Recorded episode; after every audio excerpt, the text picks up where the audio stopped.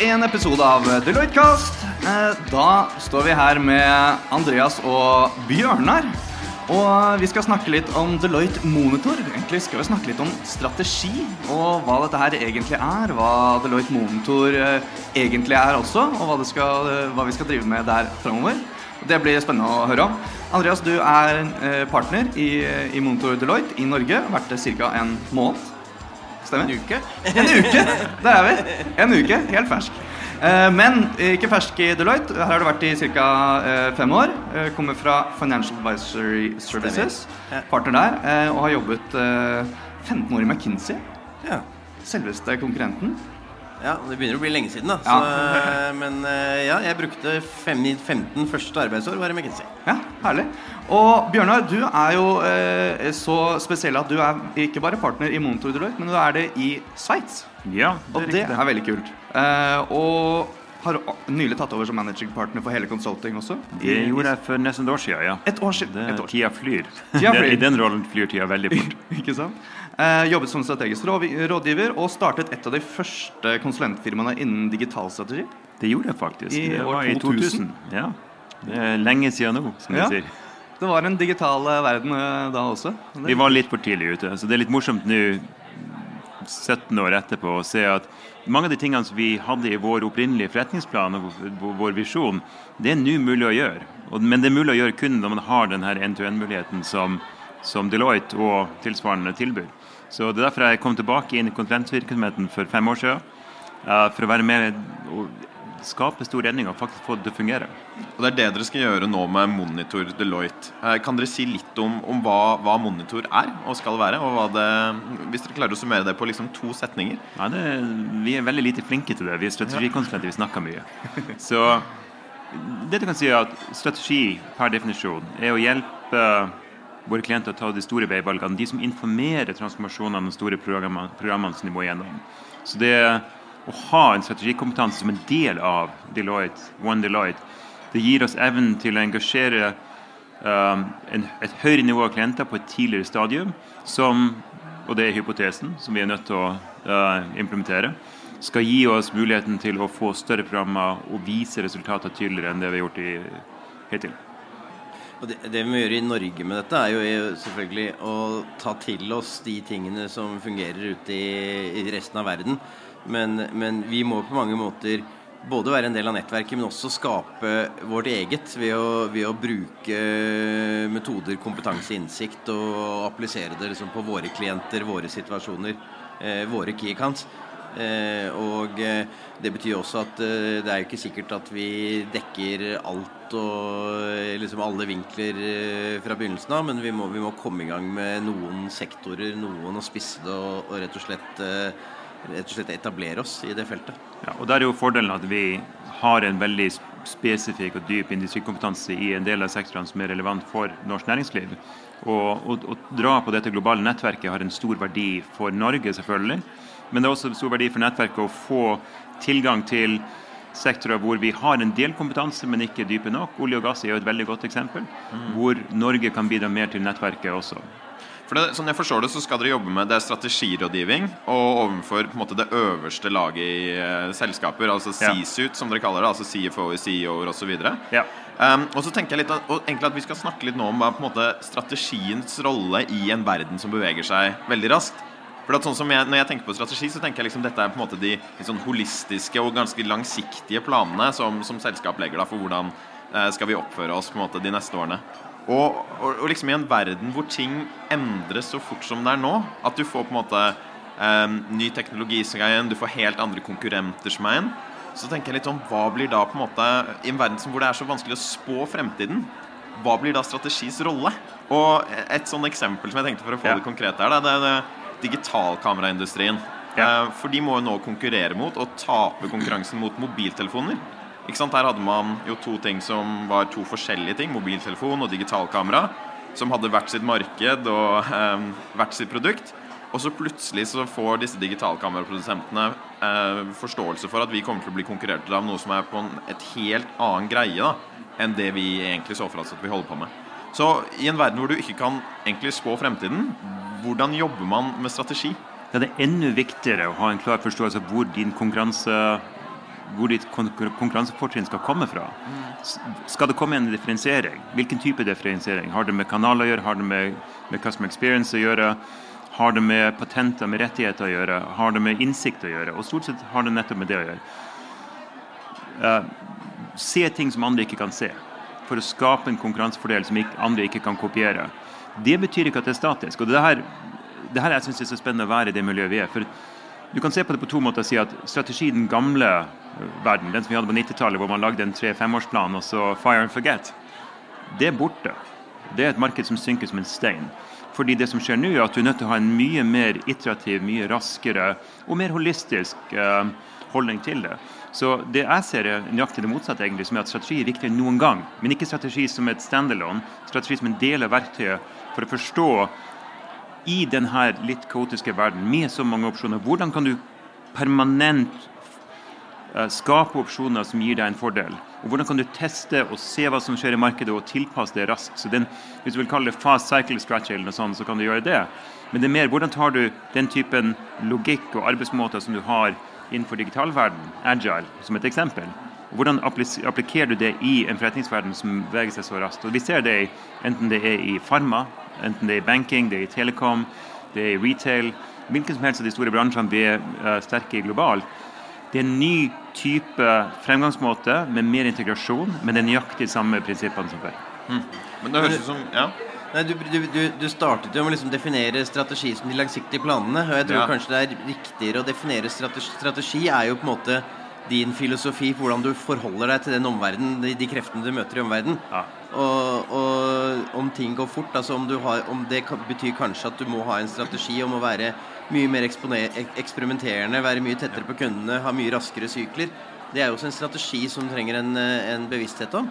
Og så er det jo litt sånn at altså Jeg tror vi som er her, og flere og flere, eh, er nok overbevist om at vi nå er inne i en digital transformasjon som kommer til å endre veldig mye veldig kraftig. Eh, men det er jo faktisk også slik at eh, i real estate, i shipping, i olje og gass, så gjør man fortsatt investeringer som har 10, og 15 og 20 års payback. Sånn at, sånn at altså, behovet for å forholde deg til fremtiden eller forholde deg til hva du tror, og bygge strukturer som er robuste i forhold til, til endringer, eh, den er jo ikke blitt noe mindre. Så, så, jeg, så jeg, tror måte, strategien er jo blitt både egentlig mer krevende og mer kompleks, og spenner egentlig helt fra strategier som er å snu ting veldig fort rundt for å være veldig dynamisk i et marked, men til å bygge eh, mer robuste forretningsmodeller da, rundt, ja. eh, rundt langlivede assets. Fordi så du trenger de også femårsplanene? De eksisterer fortsatt. Nei, om du trenger femårsplanene, vet jeg ikke. Men hvis du, hvis du skal bygge en uh, hvis, hvis, du skal bygge en eh, borerigg til uh, 8 milliarder kroner, så trenger du å ha noen perspektiver på hvordan den skal brukes og hvor lenge den lever.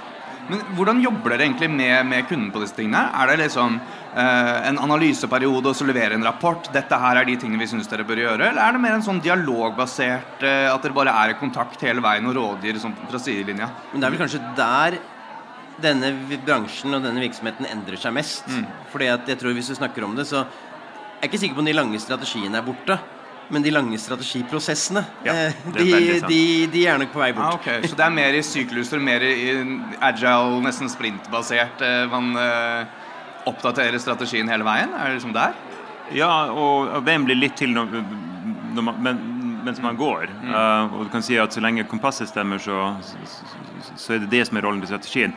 Men jeg tror det, når det gjelder hvordan vi kan jobbe med klienter som er vant til å jobbe med de samme konkurrentene år etter år etter år, kanskje vokst opp der også. Vi er nødt til å ta dem litt ut av de, deres komfortsone.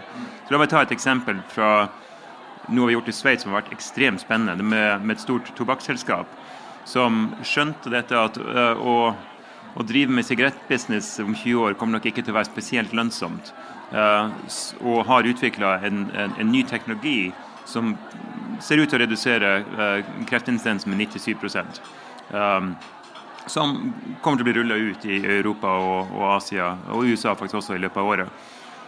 de skjønner, de skjønte, Sian skjønte prinsipielt at dette kom til å bety en transformasjon. De spurte McKinsey, spurte Excentrum å komme inn over to år egentlig og, og, og hjelpe dem å finne ut av dette. Men det var hele tiden en veldig standard måte å, å, gå frem på.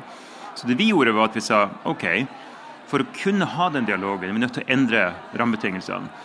Så vi, vi skapte et program med våre innovasjonspartnere Center for the Edge, Singularity University og andre. Tok dem til Silicon Valley et par dager og tok dem gjennom en reise um, med startups. Um, det var noen ganske ville samtaler vi hadde med dem. Men også til selskap som Cisco. Vi hadde tre timer med CEO-en til Cisco for å snakke om hvordan transformerer du et gigantisk selskap i en digitalisert verden. Og ut fra det så klarte vi å få en helt annen kvalitet på dialogen med hele C-suiten om transformasjon, om de tingene de trenger å gjøre. Hadde workshops etter det hvor vi gikk gjennom til dels tradisjonell analyse, til dels nye måter å, å, å tenke nytt i forretningsmodellen på.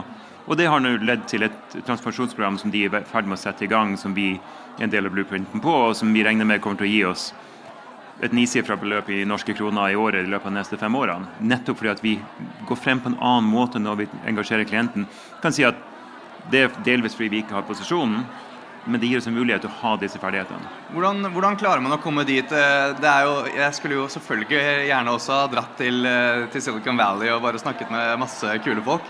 Men kanskje hvis du er fra et litt mindre selskap eller et vanlig norsk selskap, så tar du, tar du deg kanskje ikke råd til de tingene. Jeg vet ikke. Hva gjør man da i så fall for å få i gang den samtalen? Det som er så vakkert med Deloitte, er at vi har et stort nettverk. Vi har en kvart million mennesker. Vi har en del assets som er helt fantastiske. Uh, vi kan skalere et engasjement gjennom at man trekker på de riktige folkene til, til størrelsen på muligheten. Mm. Klart, Å ha et selskap med 300 milliarder i omsetning i året på en sånn innovasjonsreise, det er ikke fullt så vanskelig når de betaler for det i tillegg, som et mellomstort selskap. Men vi har jo nå stadig vekk med nettverkeventer, f.eks. Så i mai kommer Center for the Edge til Norge. Uh, vi skal ha en event med dem. Man kan skape ting rundt det. Man kan bringe dem til til, til, Nederland, man kan bringe dem til England, man kan bringe dem til Tyskland f.eks. Man kan gjøre ting mindre, i mindre skala også, men de, prinsippene er de samme.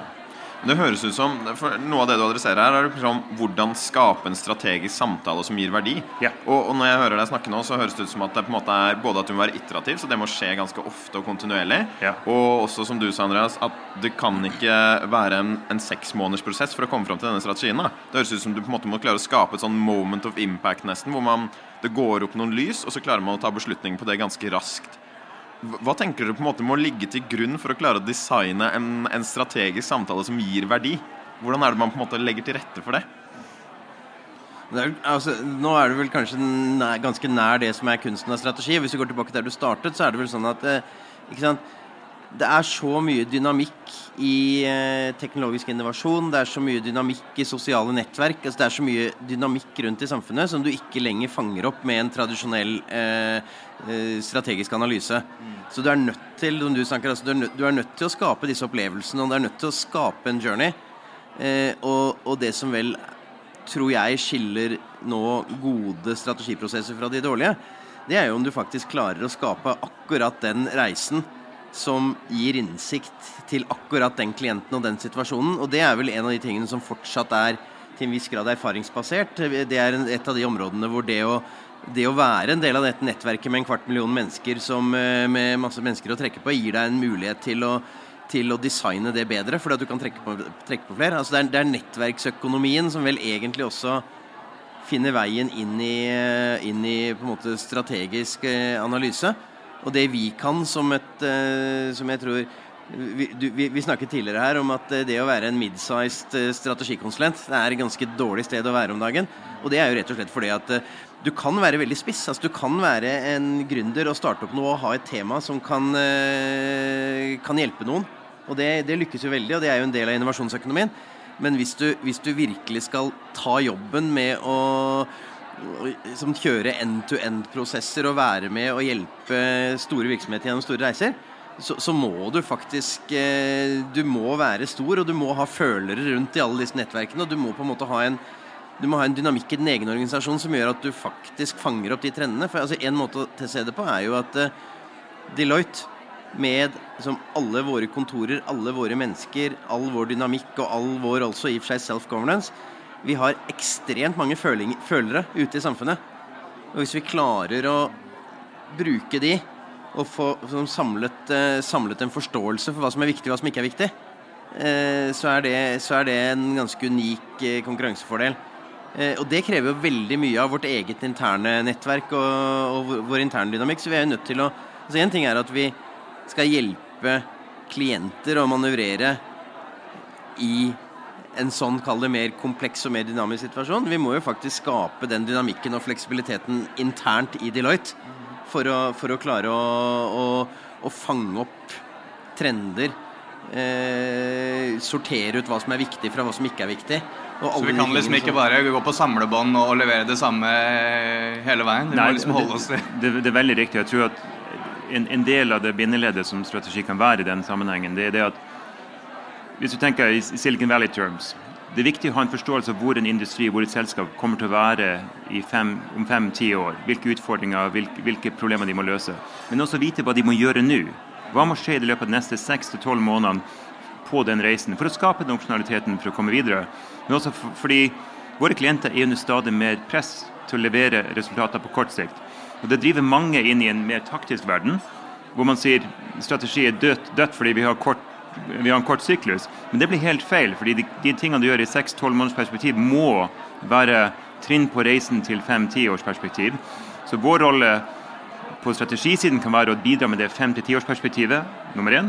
Nummer to å hjelpe å få avgjørelser gjennom uh, uh, styret i store selskaper, som krever en viss fremgangsmåte, krever visse standardmetodologier uh, og, og stakeholder management slik at vi kan gå i gang med det som funker på 6-12 måneders sikt f.eks. Eksempelet med det forsikringsselskapet i Canada som jeg nevnte, det er et veldig godt sånt.